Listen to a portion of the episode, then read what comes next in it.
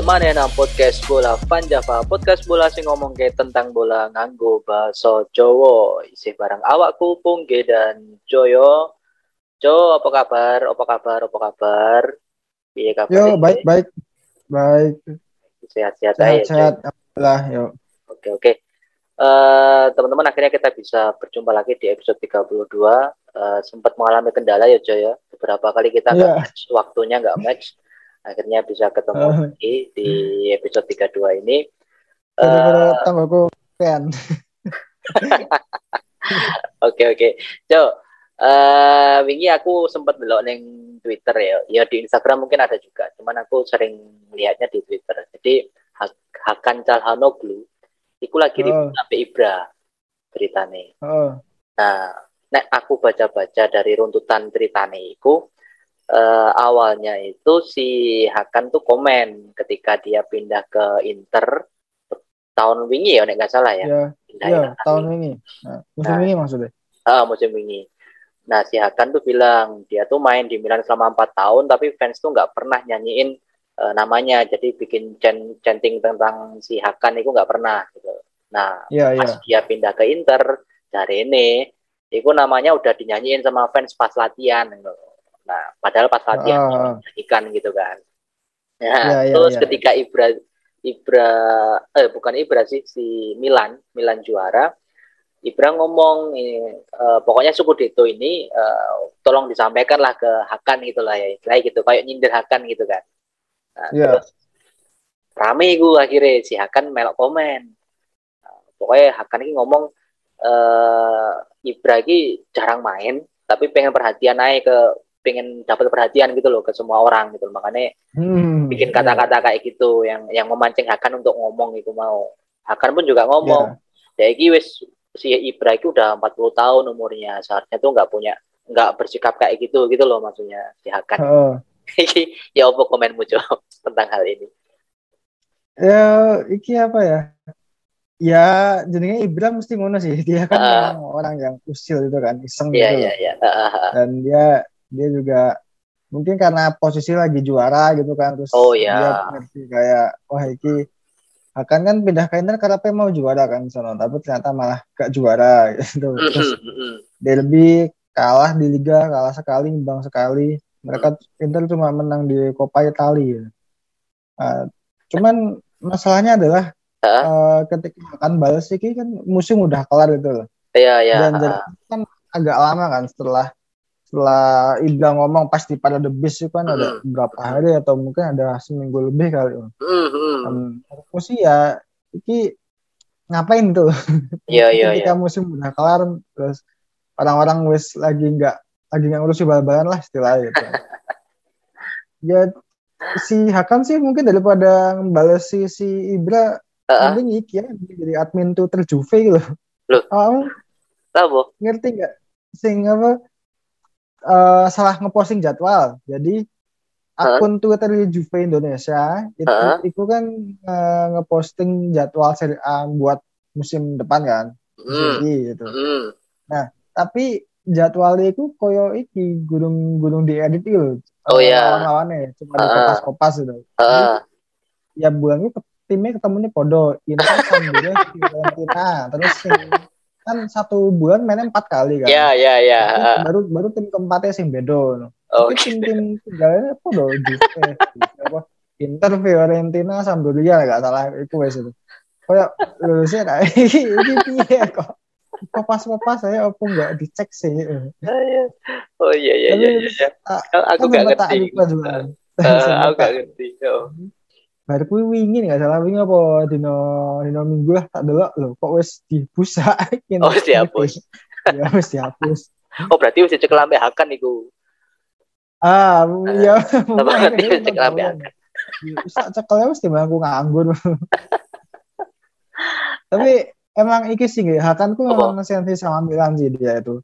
Oh iya tuh. Dia tuh kan kayak oh, kalau awal mulanya aku kurang tahu juga ya kenapa kenapa sih Hakan ini benci itu. Berarti bukan benci sih ya. Ya benci sih bisa dibilang, tapi kak sensi lah sama Milan. Sensi ya. Bahkan pas oh pas derby musim ini itu pertemuan pertama kan Inter untuk penalti kan. Penalti pertama. Mereka dapat dua kali penalti. Uh. Nah, penalti PL Gojo penalti Inter ku uh, kudune ku Lautaro Martinez. Oke. Okay. Cuman pas penalti pertama ku sing jepuk Hakan dan Hakan yang ngomong hmm. dia pengen jepuk penalti ku gitu. Okay, dan okay. akhirnya gol kan. Yeah, Terus yeah. dia selebrasi di arah tribun Milanisti. Hmm. Nah, pas penalti kedua sing jepuk Lautaro tenanan malah ora gol. Aduh. malah gak gol ya. Iya, ditepis kiper cadangan ya si Tata Rusanu. Tata Rusanu. Oke oke, berarti mungkin karena iku mau ya nganggur ya si Hakan ya. Jadi daripada gak lapo-lapo tak melok komen ya omongannya si Ibra gitu kan ya. Ah, uh, iya, iya. Lagian lagian Turki juga gak lolos Piala Dunia kan. Jadi kan pas libur oh, liga ini kan ya dia santai-santai terus mengko Desember Serie A juga libur kan. Ada nah, kan melok libur juga itu.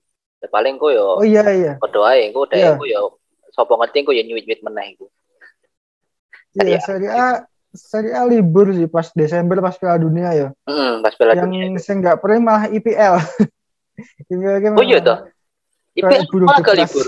Aku malah gak ngerti cuy uh, gini jadi match day terakhir IPL sebelum Piala Dunia itu 12 November.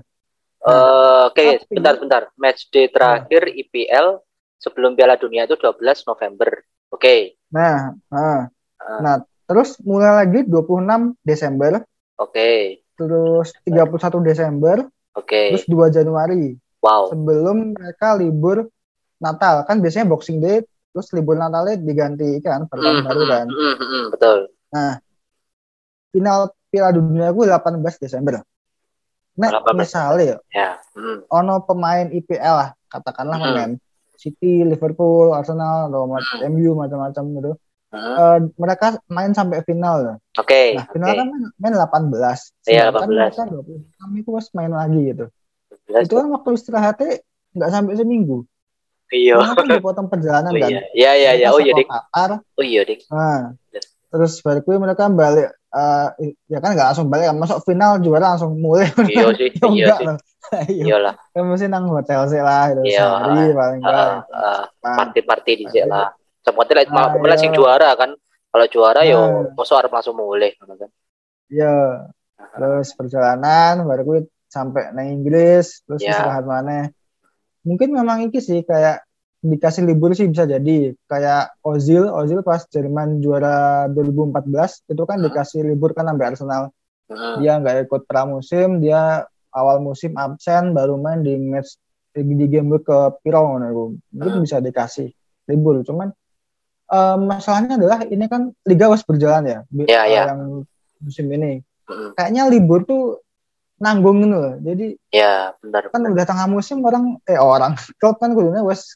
uh, gaspol kan wes mulai yeah, yeah. gas wes mulai dapat pakemnya kan tengah musim mm-hmm. itu.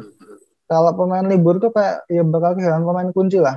Beda apalagi kalau, betul betul. Apalagi pemain kunci Jo. Benar-benar ya kan uh. beda kalau awal musim awal musim misalnya kalau loyo kayak City musim ini kan awal musim loyo kan kalah lawan mm-hmm. Spurs kan ya ya wes santai saya lah masih awal musim udah masih ada tiga puluhan match day lagi ya, tengah musim ya apalagi wes Januari kan waktunya ini kan mem memantapkan posisi gitu Iya iya. Separuh musim lah ya. Iya sih, emang juga. Iya. Ya kayaknya juga nggak ada libur sih ketok sih. Ya iya wis. Oke deh. Ya nanti siapa pun yang jadi juaranya entah dari kalau siapa tahu ada pemain dari IPL ya gak apa-apa sih nah aku sih minta izin untuk libur sih Jone aku lo ya aku minta yeah. lah paling enggak mau le, le aku mah minta izin nih cuti melahirkan enam bulan aku Ance. ah, iya alasannya bojone nglairno ngono ya. Iya, le, le, lanang kan yang empat puluh hari. oh iya empat puluh hari ya lanang ya oleh. ya lumayan sebulan lah. oh iya iya iya. Eh, Cok, ngomong ke drawing Piala Dunia kan wis rampung ya Piala 2022 ini kan udah selesai semua kemarin kan tinggal yeah. Ya. uh, tinggal tiga lagi kan posisi yang masih kosong gitu kan terus akhirnya sudah dilengkapi sama Wales terus Australia ambek Costa Rica ya itu kan yeah, tiga, tiga, tiga negara terakhir lah yang melengkapi grup di Piala Dunia 2022 uh, dari peta kekuatan Jo grup mana yang sekiranya menarik untuk ditonton tiap match Ayo. Ya menurutmu sing di? Uh, tahun ini sih gak ono grup neraka banget sih ya. Hmm. Paling grup E. Grup E itu ada Spanyol dan Jerman. Selebihnya kayak tim-tim gede cuma satu doang, terus tim kuda hitam, terus tim-tim penggembira. uh, kalau selain grup E sih ono grup B. Grup okay. B itu yang menarik ada derby Britania, Inggris lawan Wales. Terus oh iki uh, Inggris lawan Wales itu juga derby setelah Euro ini. Jadi, jadi Euro ini kan ono Inggris dan Skotlandia. Nah, sekarang ada Inggris lawan Wales. Hmm. Terus Iran lawan Amerika kan juga menarik sih, tapi menariknya tuh lebih ke luar lapangan. Mereka ya kan itu politik ya, politik itu. Kaitannya be politik Iran be Amerika itu. Iya deh. Oh, iya, iya. Suppose yang kalah kudu nyerah non nuklir. Atau yang kalah di bom nuklir. Nah, itu. Kalau kalau mono mungkin akan lebih sengit pertarungannya. Atau mati. Oke oke. Kalau selebihnya sih kayak ya setara sih menurutku. Setara lah ya. Gak terlalu jauh banget Oke oke. Nah bicara tuan rumah Jo, sejauh mana peluang tuan rumah dengan tergabung sampai grup A kan ono Ekuador, Senegal, Belanda. Ah. Ya lumayan lah. Maksudnya kan Ekuador tuh juga nggak nggak bisa dianggap remeh kan di Amerika. Yeah. Senegal apa yeah. juara Afcon ini. Belanda ah. juga kayaknya udah mulai balik mana gitu semenjak dipegang Luis van Gaal kan. Iya, yeah, iya. Yeah. Balik mana? Piye, Qatar piye, abot sih Qatar grupnya abot, ya? meskipun secara nama-nama nggak terlalu gede ya kayak Belanda kan juga udah lama nggak maju jauh tapi hmm. Senegal baru barusan juara Afcon hmm. terus Ekuador juga tetap kuda hitam dari Amerika Latin ya, ya. abot sih abot ya kalaupun lolos hmm? uh, mungkin nggak juara grup ya mungkin runner up lah gitu tapi mentok 16 besar lah baru ya wes KO ya ya ya tapi tahu lah ya eh nek di sini uh, eh, apa jadinya Afrika Selatan kayak lolos gak sih lolos ke Afrika nggak lolos pas zaman itu loh. oh nggak lolos uh. lolos nggak lolos 16 16 besar ya Enggak, tapi dia ngalah ke Perancis, ngalah ke juara bertahan. Oh iya, Perancisnya malah gak lolos ya, nggak salah. Eh, kok juara bertahan? Uh, iya, ngalah ke Perancis. Iya nggak lolos maksudnya Perancis. Hmm, hmm, lah ya Perancis nggak lolos kan. Uh, Oke oke. Jo, bicara soal underdog kan kuda hitam kuda hitam ini kan. Iya. Uh, nah aku ada beberapa pilihan sih, nah menurutku ya. Uh, ada uh. Senegal, Senegal ya karena sebagai juara Afcon ya. Terus Denmark, mm -hmm. Denmark itu uh, nah aku bilang dia punya lini yang solid ya, masing-masing lini yang yeah. solid. Soalnya ini aku dulu pas di Euro 2020 itu memang ya peta kekuatannya hampir sama sih dari kiper sampai ke depan. Terus ada Kroasia. Kroasia ini juga masih dihuni pemain-pemain sing ya masih masih andalan lah kayak Modric dan lain-lain ya. Uh, Rakitic ya, main nggak sih? Nunggu-nunggu kita masih main Rakitic, Brozovic. Masih, masih. Ya. Makanya itu masih masih bisa diperhitungkan gitu loh. Terus ada Swiss. Swiss ini mirip dengan Denmark ya. Cuman dia tuh lebih ke kayak giant killer gitu kan. Nah, Swiss. Uh. Menurutmu siapa nih yang kira-kira bisa berpulang jadi tim underdog? Hmm, aku sih tertarik ambil Amerika dan Kanada ya. Wow. Mereka okay. Uh, okay. mungkin nah. bisa jadi kuda hitam juga. Hmm. Amerika tuh barusan aja juara Gold Cup kan, Piala oh, Emas. Iya. Nah, terus di Piala Emas itu juga Kanada tuh tembus semifinal gitu. Hmm. Dan ini kayak prestasi terbaik mereka selama sekian tahun lah Kanada. Iya, benar-benar berhubung ini juga Kanada pemainnya lagi apa ini ono Alfonso Davis sampai Jonathan David. Itu dua pemain termahal mereka yang harganya sampai di atas 60 kalau salah. Ya, Alfonso ya, Davis kan 80 ya. juta kalau salah. Jonathan David tuh 60-an dia pemain Lille. Ya, ya lumayan lah ya masih ada peluang lah ya. Dan mereka juga tergabung di grup F sama Belgia, Maroko sampai Kroasia itu tadi. Jadi Ya, ya benar, bisa benar. jadi lah, bisa jadi dia. Sebenarnya malah Belgia gak lolos kan. Belgia juga masih. Belgia ini maksudnya dari dulu kan diandalkan ya kayaknya.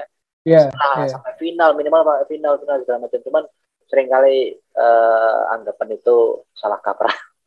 Belgia mesti. Iya benar. Iya. Yeah. Iki Maroko juga juga juga iki sih mengi apa ya? Bisa jadi kuda hitam juga. Ya, ya, ya, Maroko.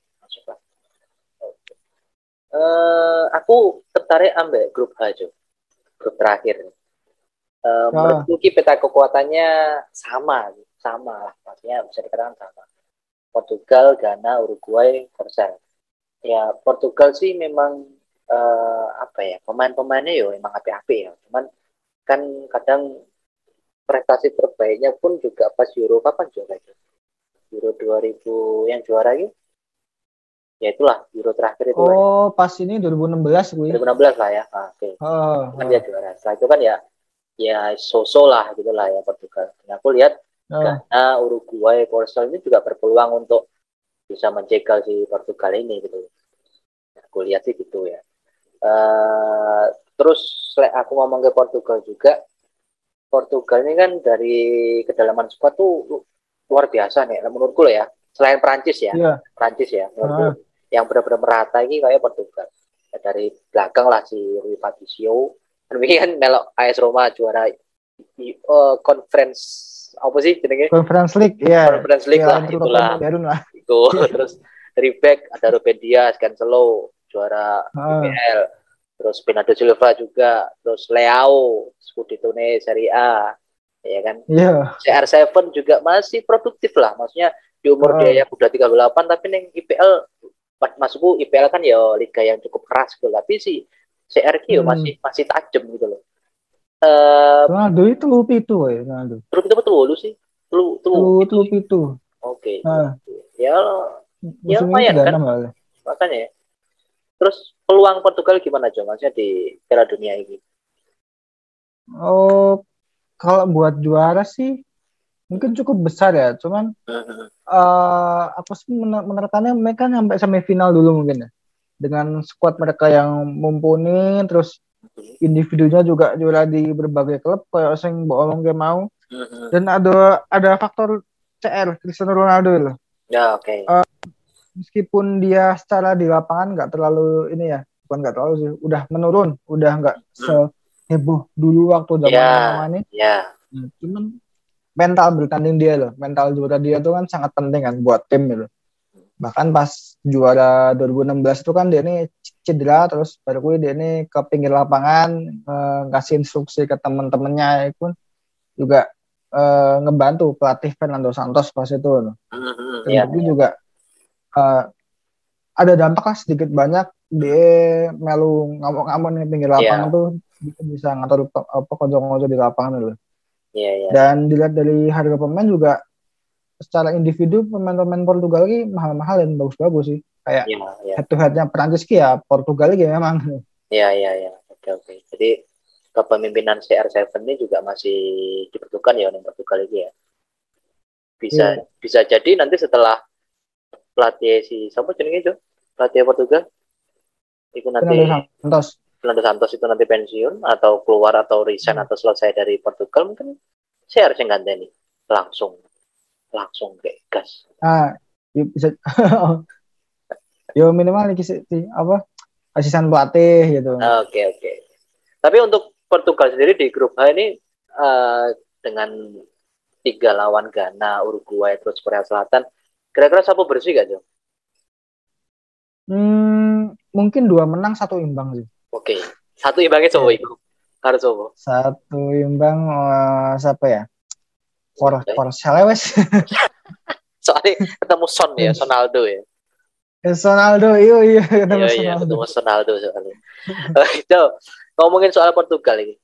Uh, ini kan bursa transfer udah mulai kan ya, ini kan udah mulai. Terus uh, aku ngamati juga beberapa pemain tuh banyak banyak berita yang yang kencang itu dari Liga Portugal. Uh, menurutku hmm. malah malah dua tiga tahun terakhir lah itu uh, banyak klub yang ngincar pemain-pemain yang ada di Liga Portugal, Liga Nos, Liga Nos. Iya. Yeah. Liga Nos. Uh, banter Yo, banter iki. Nah, iki banter banter juga ambil rego nih. Jadi aku oh, lihat yeah. di dari tahun 19 2019 2020 musim itu tuh ada ini ini aku bacain dikit ya. Uh, kita okay, ambil dari 1920 itu ada Joao Felix da, uh, dari Benfica ke ATM. Terus Bruno, Bruno Fernandes ya neng MU, terus Militao ke Madrid, Raul Jimenez ke Wolves dan itu harga paling mahal Joao Felix itu 127 itu dari Benfica ke uh, Atletico Madrid. Terus 2020 2021 ada Diaz, Ruben Diaz ke City, Fabio Silva ke Wolves harganya 40 juta padahal saya arek sang 19 tahun pada saat itu. Terus ah, iya, iya. Trincao, Trincao ke Barca 31 juta. Ya lumayan lah. Terus di tahun 2001 2022 Luis Diaz ke Liverpool harganya 47, lumayan itu. Terus Nuno Mendes, Nuno Mendes ke PSG harganya 38 juta. Iku DO oh, saat ngisor masih 20 tahun di bawah nih misalnya. Ketok lo si Nuno hmm. Mendes itu. Terus di musim ini uh, Darwin Nunes ke Liverpool 75 gila itu. Terus Fabio yeah. Vieira ke Arsenal 35 juta. Ya lumayan lah 35. Cuman uh, dari sekian transfer di empat tahun terakhir ini menurutku harganya ha, cukup tinggi Jo. Ya, menurutku loh ya. Maksudnya uh, pertimbangannya kan banyak karena ya mungkin dengan usia muda kayak Fabio Silva mau lah. Fabio Silva itu dengan harga 40 juta di usianya 19 tahun dia juga belum punya pengalaman. Maksudnya baru main yang Porto itu kan. Maksudnya ketok kan yang Porto. Iya, yeah, iya. Yeah. Setelah itu langsung dibeli Wolves dengan harga segitu kan. Jadi ya bisa dibilang mahal dong, ya kan? Ya Iya, yeah, benar benar. Nah, pertanyaanku Jo, apa sih yang bikin pemain-pemain di Liga Portugal kyo mahal? Apa? Uh, mereka ini cocok dengan skema klub sekarang, gitu. Jadi huh? Penyerang dari Liga Portugal itu bisa pressing kayak Leo dan Diaz itu kan mereka bisa pressing kan. Mereka nggak cuma jadi goal getter nggak cuma jadi kreator tapi juga bisa merebut bola. Mereka juga bisa nge-press pemain lawan dari lini depan. Hmm. terus backnya juga bisa build up kayak Ruben Diaz di City mereka tahu di Madrid. Terus gelandangnya juga komplit. Mereka bisa free kick, bisa ambil corner, bisa gojo penalti. Contoh kayak Bruno Fernandes, terus Vieira yang barusan dibeli Arsenal, tapi bukan Vieira dari Patrick. Prancis. Iya. Patrick. Tapi SpongeBob. Iya. Ini masih nek sukses bakal diganti nomor 4 gitu. Iya, iya, iya. Mesti digadang-gadang iya di sama-samakan mesti kok. Kan ketika HW di nomor 14 kayak gitu. Iya, iya, iya. Terus uh, ada lagi faktor lainnya. Hmm. Klub-klub seller di Portugal kan recommended ya. Jadi ada Benfica, Porto, hmm. Sporting Lisbon. Hmm. Ya meskipun cuma itu itu ada yang menyuplai klub-klub gede Eropa, tapi hmm. mereka itu udah teruji gitu. Jadi kayak hmm. ya berarti recommended seller lah. Kayak yeah, yeah. barang eko barang. Pemain dari mereka itu udah pasti bagus, udah yeah, berkualitas, yeah. tinggal nego harga aja gitu. Okay, nah, okay. tapi kenapa pemain mereka bisa recommended? Mm-hmm. Itu karena di Liga Portugal ini nggak ada dominasi kayak Bayern di Liga Jerman, mm-hmm. terus PSG di Liga Prancis. Nah, contoh ya kalau Jerman di Bundesliga, mm-hmm. pemain terbaik Bundesliga pasti akan ke Bayern atau hampir pastilah. No, hampir pasti. Karena, mm. nah, karena ya bayar tuh magnet gitu ibaratnya kayak misalnya ada Luis Diaz gitu Luis hmm. Diaz misal main di Bundesliga hmm. dia kan main sebelumnya main di klub papan tengah kan. Nah hmm. pasti dia pengen juara liga dulu lah. Pengen juara liga di negara tempat oh, dia main oh iya iya iya. Main dulu gitu. Okay, nah ngapain misalnya ada ada merantau gitu kan Bayern itu jelas bakal juara liga, bakal main di Liga Champion, terus fasilitas juga api, gaji pasti juga oke, okay, gitu. BPJS dibayar nggak pernah telat, nah, misalnya gitu kan. ono ono fasilitas makan, jamar. iya, ono uang makan. ono uang makan, uang transport ya kan. Ya ya ya. Ben gapoknya nggak duit-duit. Ajaknya ben duit. Tunjangannya akeh ya. Oke. Iya. Oke oke.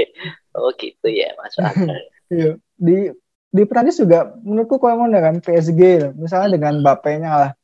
oh iya. Bakal, eh pemainnya bakal ya udah PSG DC loh. Paling nggak bisa juara liga dulu. Uh-huh. Nah kalau di Liga Portugal kan nggak kalau ngono loh. Benfica, okay. Porto, Sporting ini kan mereka gantian juara kan. Hmm. Uh, materi pemain juga cukup rata. Jadi kalau misalnya pindah ke sama rival tuh juga ya buat apa loh kayak levelnya stagnan cuma beda pindah klub tok loh. Mending langsung okay. pindah ke liga lain. Loh. Oh iya iya iya. iya.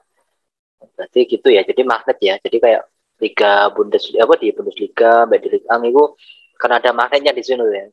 Sementara ya, di, ya.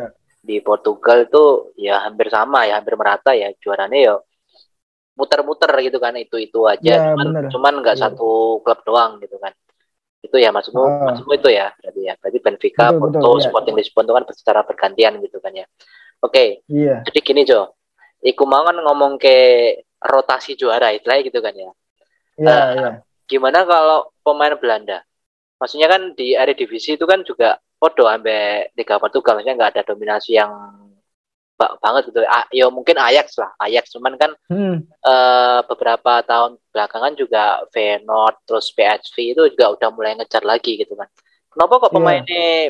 yang di Liga Belanda nggak sama hal yang di Liga Portugal uh, ini opini ku ya ke hmm mungkin ya mungkin tuh karena ekspektasi pemain-pemain Liga Belanda itu ya pemain Liga Belanda lulusan Liga Belanda itu lulusan Ajax jadi ibaratnya jebolan La Masia lah kayak jebolan okay. akademi terbaik di dunia hmm. mereka pasti dilabeli wonderkid hmm. itu terlihat dari data transfer market ini dari 10 pemain termahal yang keluar dari Liga Belanda hmm. itu dari Ajax ada tujuh cuma ada tiga selain Ajax itu PSV. PSV itu Memphis Depay, Steven Bergwijn, sama hmm. Irving Lozano. Lainnya Ajax KB. Hmm. Mulai Frankie De Jong, Matis Delik, Van de Beek, okay, Davinson Sanchez, Hakim Ziyech, Julian Gravenberg yang baru ke Bayer, Bayer. terus Arkadius Milik yang ke Napoli. Hmm. Nah, uh, karena Ajax kan punya akademi ya, namanya The Tucoms kan dan itu hmm. memang udah banyak lah jebolan mereka yang yang jadi pemain bagus itu. Hmm. Uh, ketika ada pemain misalnya lulusan dari The Tucoms itu kan orang kayak liatnya oh ini wonderkid nih ini bakal jadi pemain bagus gitu. Hmm. Jadi kayak mungkin ada ekspektasi tersendiri loh yang mungkin bisa jadi beban juga bagi pemain muda itu gitu. Hmm. Terus faktor kedua bisa jadi kayak gaya main Liga Belanda itu kan lebih stylish ya. Mereka nggak terlalu fisik gitu. Uh, pemain Liga Belanda mungkin cocok di La Liga dan Serie A. Tapi kalau mereka ke IPL mungkin agak susah ya. Karena di IPL kita tahu mainnya lebih ke fisik. Nah, yeah, yeah. kan uh, beberapa orang yang salah kaprah menurutku uh, fisik di IPL tuh bukan benturan kayak ini ya kayak di rugby loh, enggak enggak enggak kick, yeah, yeah. kick and rush dulu enggak udah yeah, berbeda. Yeah. Nah, cuman fisik yang di IPL yang dimaksud tuh mungkin kayak ini ceritanya Desailly dan Jorginho deh. Oh, Desailly itu waktu habis dari Milan dia kan pindah ke Chelsea kan. Uh, nah, dia tuh bilang kalau di IPL itu nggak bisa lama-lama megang bola. Jadi striker itu juga uh, ngepressing, mereka mau uh, nekel, mereka uh, mau duel tuh. Itu beda sama di Serie A waktu dia main di Milan. Jadi ketika uh, dia pegang bola, uh, ya dia nggak dipres, dia bisa bebas maju sampai tengah, mungkin main di belakang gitu. Tapi di Serie A nggak bisa kayak ngono. Dia hmm. waktu itu lawannya ya mungkin lawan-lawan kayak Dun Duncan Ferguson Everton itu kan mainnya yeah, iya, fisik yeah, gitu kan. Hmm. Itu mungkin yang dimaksud fisik di EPL sebenarnya kok kok ngono iku. Hmm. Terus Jorginho kan juga gitu kan. Dia yeah. secara fisik itu nggak nggak inilah nggak kekar gitu kan, nggak pemain yang kuat itu. Tapi dia bisa sukses di Serie A juga karena tahu kapan buat ngelepas bola gitu kapan dia harus uh, ngasih umpan kapan dia harus megang bola nah, bedanya sama Liga Belanda biasanya pemain-pemain dari Liga Belanda tuh lama megang bola lebih lama sih bukan lama gitu dan ketika mereka pindah ke IPL ya harus lebih cepat ngelepas bola gitu tahu ya, ya. kapan mau tahu makanya kan gitu. kick and rush kan maksudnya kayak endang ayo nah, ayo gitu betul. kan betul ya betul okay, okay. terus yang ketiga usianya ini aku menemukan di transfer market usia pemain yang keluar dari Liga Belanda ini muda-muda. Rata-rata umurnya 21 sampai 22 tahun. Yang keluar dari area divisi ya? Ya, benar. Oke. Okay. Pengecualian tuh cuma uh, ini Hakim Ziyech 27. Oh, ya. Hmm. Terus sama Irving Lozano 24. Oke, okay, Selebihnya kayak Frankie De Jong tuh 22, hmm. Delik 19, ini waktu, umur waktu pindah ya. Terus hmm. Van de Beek 23, Bergwijn 22, Gravenberg 20, DP 21, Milik 22. Nah, ini mungkin umur 21 22 ini umur bagus sih buat wonderkid ya, masih banyak kesempatan berkembang gitu. Tapi kan terlalu muda deh buat keluar negeri. Iya, iya, iya, iya. Jika iya dibandingin sama pemain Liga Portugal yang hmm. ketika mereka hengkang umurnya 23 sampai 25. Contoh hmm. si Darwin Nunes lah. Dia hengkang 23 kan. Hmm. Terus Ruben Dias umurnya pas ke situ juga 23. Bruno Fernandes 25. Luis Diaz pas ke Liverpool juga umurnya 25. Manggala 23 tapi gagal di City. Hmm.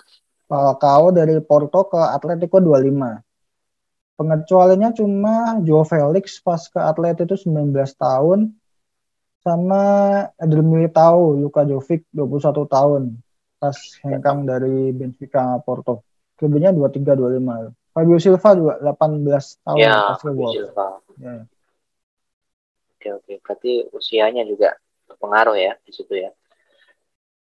Ya bisa bisa jadi sih kayak mungkin hmm. mentalnya belum matang atau matang belum gitu ya. siap oh, ke luar negeri.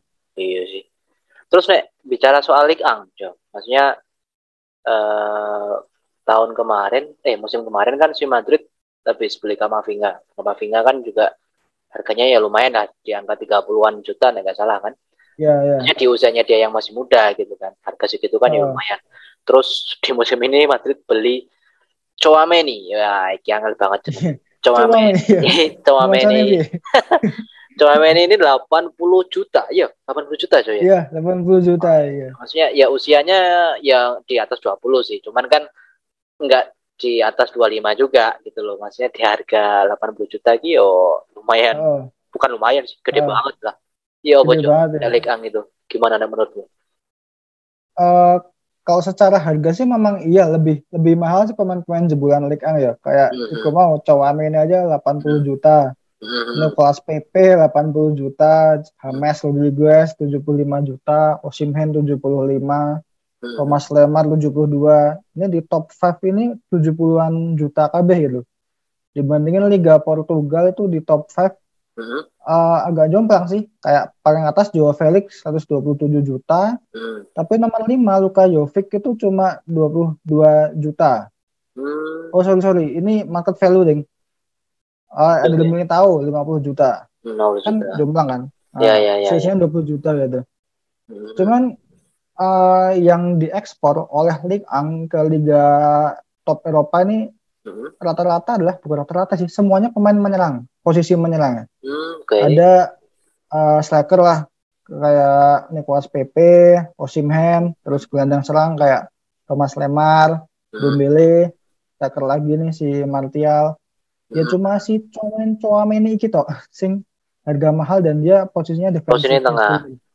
Ya posisi tengah dan uh, role-nya bertahan dibandingin pemain Liga Portugal di top 10 itu ono tiga back tengah yang harganya selangit ya ono Ruben hmm. Dias harganya 68 juta hmm. Eder tahu harganya 50 juta terus Mangga harganya 45 juta hmm. jadi lebih merata gitu pemain-pemain yang diekspor oleh Liga Portugal ini. Hmm, dari se dari segi posisi lah ya maksudnya. Iya dari segi ya. Posisi. Hmm, bahkan kalau kita perluas uh, range-nya sampai 15 besar, hmm. itu masih ada Axel Witsel uh, defensive midfielder 40 juta, uh -huh. ya, terus Nuno Mendes mau sing ke PSG, uh -huh. dan ada kiper Ederson, kiper oh. dengan harga 40 juta. Oke okay, oke, okay. masih masuk ya di situ ya. Iya. nah, hmm, bisa dibilang sih pemain ex Liga Portugal ini mahal karena skillnya lengkap, terus okay. sesuai dengan turunan zaman itu kan ya. Hmm. Makanya emang harga mereka Harganya langit gitu kan, ya wajar lah kualitas. Hmm. Uh. Ini aku sih bayangin ya kalau misalnya klub-klub mereka itu jualan di lapak orang itu mungkin langsung jadi auto top seller lah ya. Bisa jadi apa untuk emblem itu kan kesudah centang untuk mahkota cuma ya gak sok flash sale lah ya lu apa gak sok flash sale ya bayang nah masuk kayak Bruno Fernandes mau di flash sale cepat-cepat nggak dapat terus oh, iya, iya, iya. dicoret iya, iya, dijual murah iya, iya, iya. dan dan kayak Sofi ongkir depan kudu anggo ongkir nah, ya. Kan. Nah, soalnya akomodasi iya. kan pesawat segala macam kan ya tetap ikut nah, sendiri lah. Nah, iya. Oke oke. Jadi Iku mah ya beberapa alasannya kenapa kok harga-harga pemain di Liga Portugal itu cukup mahal. Cuman ada yang satu hal yang menarik juga. Aku sempat melihat ya uh, nek awakmu eling uh, zamane Bernardo Silva terus Fabinho ya dia pindah dari Ligue 1 ke keluar lah pokoknya ya keluar. Ah. Zaman itu kan juga harganya lumayan tinggi-tinggi juga ya maksudnya di angka 40-an, 50-an gitu kan ya. Iya, iya, iya. Bisa jadi ini mungkin jadi tren, Jo. Iya gak sih? Hmm, Maksudnya iya, iya. kemarin uh, Liga Prancis, terus sekarang Liga Portugal. Mungkin next liga mana yang jadi ya apa pemain mahal gitu loh. Yang bisa ngeluarin harga Ah, mahal. iya, iya. bisa jadi gitu. So nanti Liga satu kan musim depan. Ah, Liga satu Liga satu Bundesliga. Oh iya bener bener. Iya satu Bundesliga kan iya Liga satu tulisannya. iya kan. Ayo oke. Oke eh, gitu aja untuk episode kali ini teman-teman yang mendengarkan. Terima kasih Eh, bagi yang belum mendengarkan silakan mendengarkan follow sosial media kita di Bola Van Java di di apa di sosial media di Instagram sama di Twitter. Eh, semoga next kita bisa maju ke YouTube juga ya Jo ya. Jadi teman-teman iya. karena mungkin beberapa orang nggak banyak yang punya Spotify, tapi kayaknya hampir semuanya punya YouTube, ya kan ya. Jadi Ya, kita ya. ada planning untuk bisa masuk ke YouTube eh, secepatnya. Doakan aja kita butuh dukungan juga dari teman-teman semuanya. Oke, gitu dulu ya. Yang yang nggak Eh, punya Spotify mungkin masih pakai Winamp kali ya. oh ya, pakai Winamp. Jadul banget ya Winamp. Windows 98 nih, Bu. Iya, tuh yang staff band. Ono ono gambar Mas Mas. Ada gambar Mas Mas kayak. Aku seragam, seragam kantor kayak. Iya. Seragam opo ibu. Iya. Oke, oke. Ya wes. Oke Joya, ngono saya ya Joya. Sampai ketemu di episode yang akan Ya. datang. Salam bola Van Java.